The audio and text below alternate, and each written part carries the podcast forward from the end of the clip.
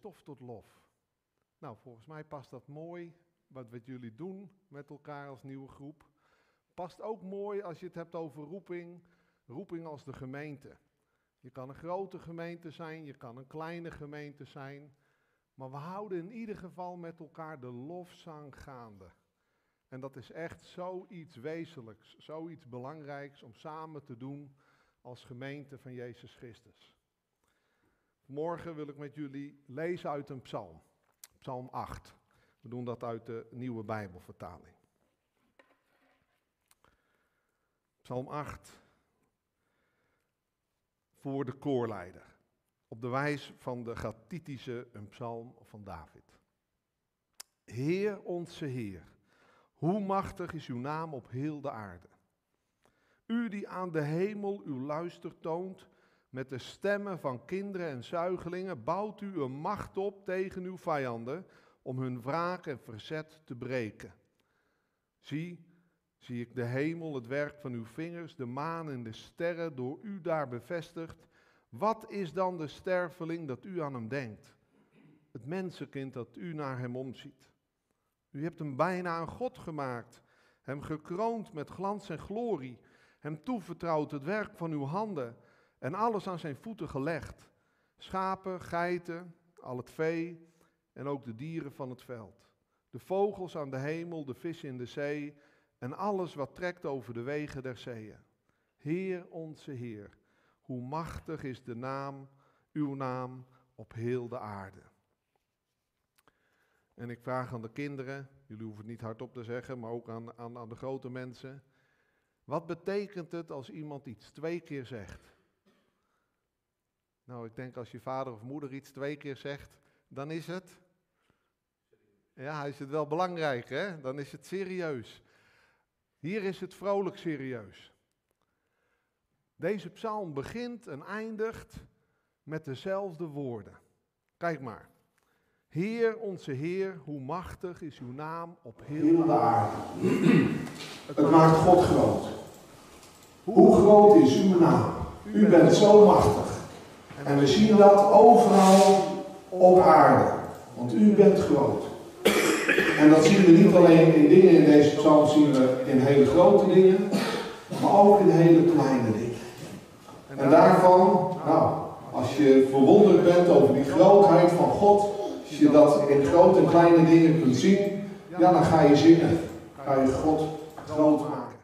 Dat is in het kort waar het over gaat. Nou, Gods volk is geroepen om Gods grote daden te verkondigen. Zo staat het ook in 1 Petrus 2, vers 9. Daar staat maar, u bent een uitverkoren geslacht, een koninkrijk van priesters, een heilige natie, een volk dat God zich verworven heeft om de grote daden te verkondigen van Hem die u uit de duisternis heeft geroepen naar zijn wonderbaarlijk licht. Het gaat hier heel duidelijk ook om te vertellen wat Jezus Christus voor jou en voor mij, voor ons heeft gedaan. Gods zoon is mens geworden om ja, voor ons in de plaats ook te sterven aan het kruis. Maar gelukkig, hij is opgestaan. En daardoor is er hoop. Ook in allemaal moeilijke situaties is er vergeving voor dingen die we verkeerd hebben gedaan. Het gaat om een wonderbaarlijk iets. Het is een verhaal, nou, het is een bijzonder verhaal en het is echt gebeurd. Daar kun je je over verwonderen dat God zo mens is geworden om dat te doen voor jou en mij. En als ik een beetje doorpuzzel in de Bijbel, dan, ja, dan had God dat al bedacht vanaf het begin. Dat God ons mooi gemaakt heeft, de schepping en alles wat erop is. En toen het fout ging, toen hoefde God niet achter zijn oren te krabben, maar toen kon God direct zeggen wat zijn plan was, waardoor de redding zou komen. En zo is het ook gegaan. En dat geeft mij vertrouwen in een wereld waarin ik mooie dingen zie, maar ook moeilijke dingen zie, dat ik toch weet, hé, hey, het loopt God niet uit zijn hand. Hij weet waar hij aan begonnen is. Hij leidt de geschiedenis. Zijn zoon is gekomen en hij, nou, hij leeft en wij zien uit naar zijn komst. Het gaat goed komen. We hebben een hoop die zeker is. In deze psalm zien we dat er veel verwondering is. En verwondering leidt tot aanbidding. Je kan zeggen het is onze roeping om Gods grote daden te verkondigen. Eén vorm is om te zingen. Maar waarom doe je dat? Nou, omdat je verwonderd bent. Omdat iets jouw hart geraakt heeft. En dit vind ik eigenlijk ook een mooi aanknopingspunt tussen de kerk en mensen ja, die misschien nog zoekende zijn of God nog niet kennen. Alle mensen kennen verwondering. In ieder geval als je klein bent. Ik hoorde vanmorgen al over, jij hebt een mooie koekoek. Ik ga je niet naar voren roepen. Ja, kijk, zie, daar wordt ze al blij van. Een koekoek, ontdekt via opa. Nou, wat is dat ook een mooi beestje en wij maken er iets van en we kunnen er verwonderd over zijn. Um, alle mensen kennen dat in hun leven. Misschien moeten sommigen wat meer, meer uh, uh, graven, maar om onder de indruk te raken van iets groots. astronauten, dan maken we het gelijk heel groot, die echt het heelal in zijn geweest met een raket. Nou, die komen allemaal als veranderde mensen terug. Omdat ze van een afstandje de aarde hebben gezien en hoe dat eruit ziet en hoe groot dat is. En dan maken ze soms wel eens een, een foute grap dat ze zeggen, ja, we hebben God niet gezien daarboven, maar ze komen vol verwondering terug op aarde. Wat is het leven toch bijzonder dat we hier op deze planeet met elkaar hebben en dat we hier leven. Ja, in alles zouden ze God daardoor kunnen zien, denk ik. Die grootheid. Die verwondering mag leiden tot, nou, erkenning van wie God is als schepper en aanbidding. Maar daar kunnen we het wel met elkaar over hebben. Van hé, hey, wat, wat verwondert jou? Zelfs in de wetenschap begint vanuit verwondering en dan gaan ze op onderzoek uit. Nou, wij verwonderen ons ook. En we uiten daardoor onze dank aan de Heer en onze God. Misschien ben je zelf ook wel verwonderd over hoe God jouw leven heeft bereikt. Misschien nog helemaal niet, dat je denkt, ja, ik ben gewoon zo opgevoed. Uh, dat, dat gold ook voor mij. Ik ben groot geworden in een christelijk gezin. Ik kende God vanaf jongs af aan. Het mooie is dat kinderen heel natuurlijk uh, alles als een eenheid ervaren. Dus uh, ja, het konijn ook verbinden met de grootheid van God, wat terecht is, en dat ook uitspreken. In mijn leven kwam de moeite, mijn moeder was ziek. En toen ik een jaar of twaalf was, heb ik wel, nou, iets, iets jonger nog op mijn knieën gebeden, Heer God, u bent liefde, u bent almachtig, wilt u mijn moeder beter maken? En er gebeurde niks. Ik ben toen niet mijn geloof in God verloren, maar hij kwam wel bij mij in het beklaagde bankje te zitten. Ik kon daar niet zoveel mee. Heer God, als u dan liefde bent en almachtig, waarom, waarom is mijn moeder dan zo ziek? En ik ben zelf nou, ik ben nog wel naar de kerk geweest en dat soort dingen, maar ik, ik raakte wel verder van de weg af van God. En toen ik natuurkunde ging studeren, natuurwetenschappen, leerde ik heel veel over biologie en over scheikunde. En op een dag had ik het vak en dat was sterrenkunde. En toen leerde ik dat het heelal zo groot is. Nou, toen kwam er echt een twijfel in mijn hart. Ik denk, als het echt zo groot is, zou er dan wel een God bestaan? En wat bijzonder was, die avond las ik in mijn Bijbel. Die kende ik nog helemaal niet zo goed, maar ik las gewoon een stukje uit mijn Bijbel en het was Job 9, vers 9. En daar staat, de grote beer heeft hij gemaakt, en Orion, de Pleiade en de sterren van het zuiden. En ik was net met mijn vak sterrenkunde bezig geweest met Orion. En ik twijfelde aan Gods bestaan. En hier staat gewoon in de Bijbel het stukje wat ik las, dat God Orion gemaakt heeft. Dat was voor mij genoeg houvast om ja, mijn geloof niet, niet los te laten. Iets later ben ik tot bekering gekomen, maar dat heb ik al een keer verteld, of dat komt nog wel een andere keer. Maar zo, David is onder de indruk van de schepping, maar vandaag de dag soms voelen mensen zich ook wel verloren in die grote, in de grote wereld waarin we leven. Ziet God mij wel? En ergens, ergens kon David dat met ons meevoelen. Want hij zegt in vers 4 en 5, zie ik de hemel, het werk van uw vingers, de maan en de sterren door u daar bevestigd. Dus hij erkent dat allemaal als Gods werk, maar het is zo groot. En dan zegt hij, wat is dan de sterveling dat u aan hem denkt, het mensenkind dat u naar hem omziet. Heer God, u bent zo groot als ik naar al die grote dingen kijk. Hoe kan het dan zo zijn dat u denkt aan een klein mens zoals ik? Dat is wat David zegt. En op wat voor manier zegt hij dat? Hij zegt het vol verwondering. Want door het geloof weet hij dat God aan hem denkt. Dat zegt hij daarna ook over die heerlijke positie die ze hebben gekregen. Daar komen we straks op. Maar nadat hij bij het grote heeft stilgestaan, de hemel met alle sterren, gaat hij naar het kleine toe. Naar de kinderen en de zuigelingen. Dan zegt hij in vers 2 en 3. U die aan de hemel uw luister toont met de stemmen van kinderen en zuigelingen, bouwt u een macht op tegen uw vijanden, om hun wraak en verzet te breken. Ik vind dat zo mooi dat, God, dat David God ziet in de grote en in de kleine dingen. En hoe kunnen kinderen nou het verzet van vijanden van God breken? Nou ja, als je een geboorte hebt meegemaakt, dat is al een wonder. En als je het, als je het wil zien, is, is de wereld vol wonderen om ons heen. Als je het een dokter vraagt, wij vinden het altijd, de overgang als je ziek wordt, die merken we heel erg. Maar als je een dokter vraagt, dan kan die verwonderd zijn dat hij zegt, ja maar mens zit zo complex in elkaar. Het is eigenlijk een wonder dat dat altijd zo goed gaat. Jarenlang. En dat dat groeit en dat dat zichzelf vernieuwt en, en, en, hoe dat allemaal werkt. Mensen zitten heel bijzonder in elkaar.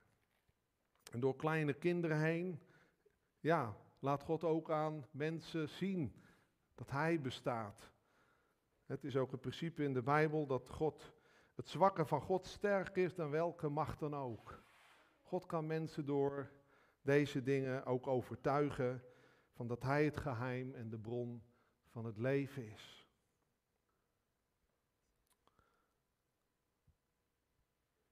Ik wil met de kinderen nog uh, even bij iets stilstaan. We hebben vijf zintuigen, moeilijk woord. Maar wat zijn dat? Je ogen, je oren, je neus, je mond en je huid. Wat kan je ermee? Nou, we kunnen zien, we kunnen horen, we kunnen ruiken, we kunnen voelen. Uh, wat gaan we nog meer? We kunnen proeven. Dat doen we met onze zintuigen. Prachtig. Want daardoor, ja, beleef je de wereld waar we in leven. Alles wat je ziet, wauw, wat mooi. Alles wat je hoort misschien, wat mooi. En je kan met aandacht naar iets kijken, naar iets luisteren, iets voelen. Ik heb een van mijn dochters, die heeft altijd een stofje. Ik weet niet wat ze later gaat worden, maar als het iets met stof is en voelen, dat zou ik me heel goed kunnen voorstellen. Daar heb je je zintuigen voor. En waar hebben we onze ziel voor gekregen? Of een ander woord in de Bijbel, ons hart. Weet je waar die voor gemaakt is? Om niet alleen contact te hebben met alles wat in deze wereld is, maar dat dat deze wereld ook overstijgt. God heeft ons als mensen gemaakt om niet alleen elkaar te kennen en de bomen en de plantjes en de dieren te zien, maar vanuit onze ziel en onze hart afgestemd te zijn voor een relatie met God de Vader. En geestelijk zeggen we het ook zo. Want we kunnen de woorden van Christus horen. En je kan, we spreken ook over de geur van Christus. Je ruikt hem niet letterlijk, maar uh, het, heeft wel, het heeft wel betekenis voor je. En we kunnen God zien met de ogen van ons hart.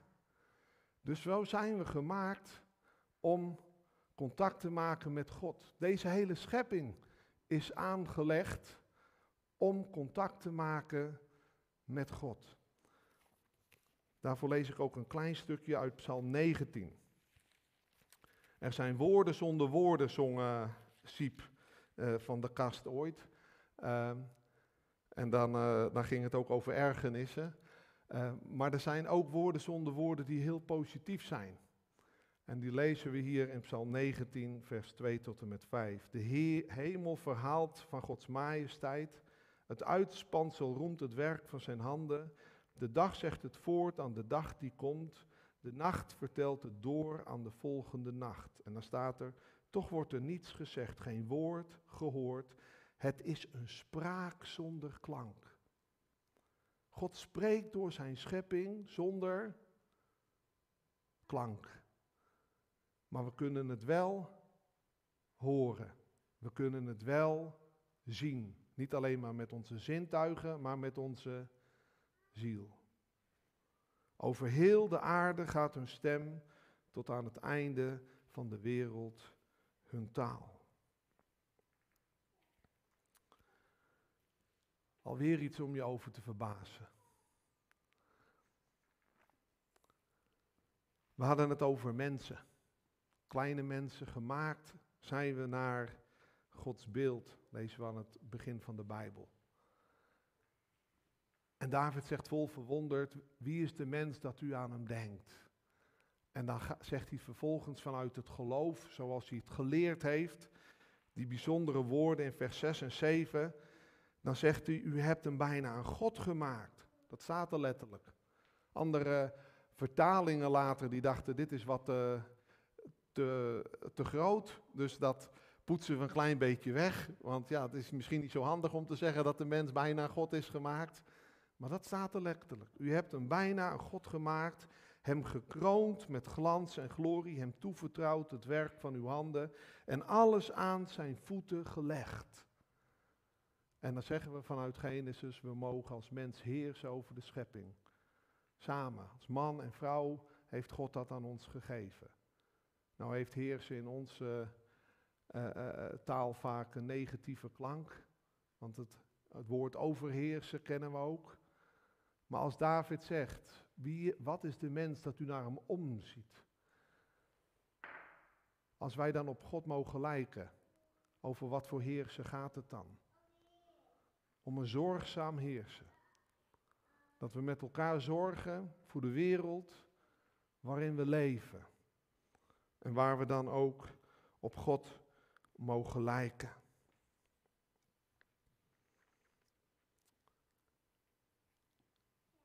We hebben het nu heel veel over de mens. Maar het begon met, Heer, onze Heer, hoe machtig is uw naam op heel de aarde.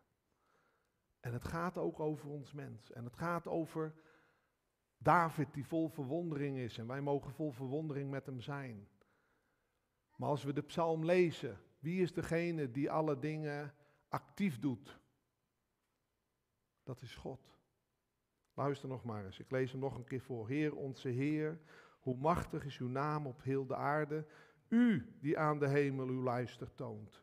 Met de stemmen van kinderen en zuigelingen bouwt u een macht op tegen uw vijanden, om hun vraag en verzet te breken. Zie ik de hemel, het werk van uw vingers, de maan en de sterren door u daar bevestigd.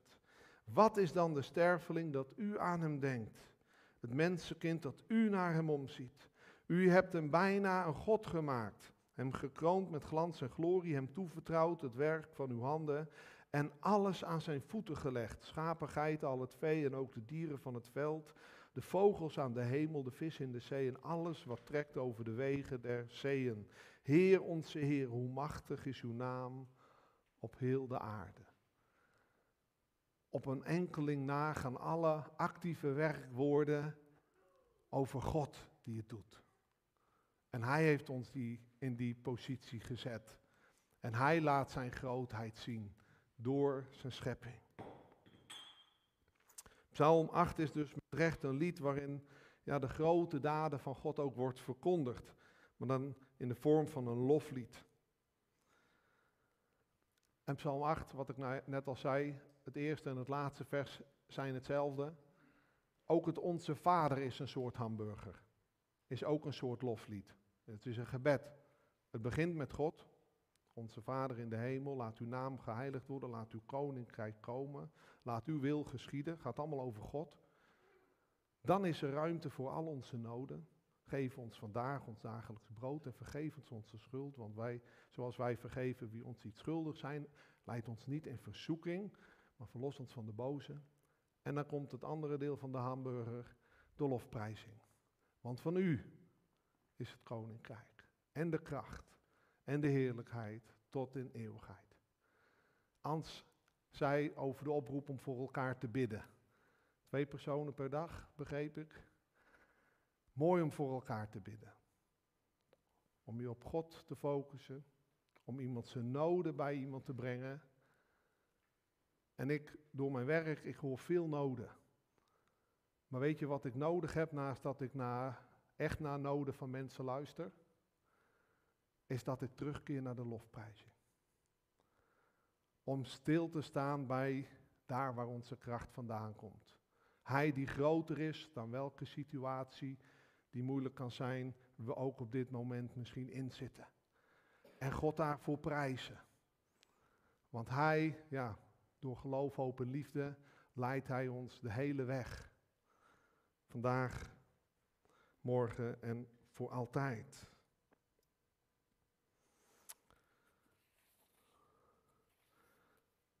Ik sla een paar dingen over van de PowerPoint.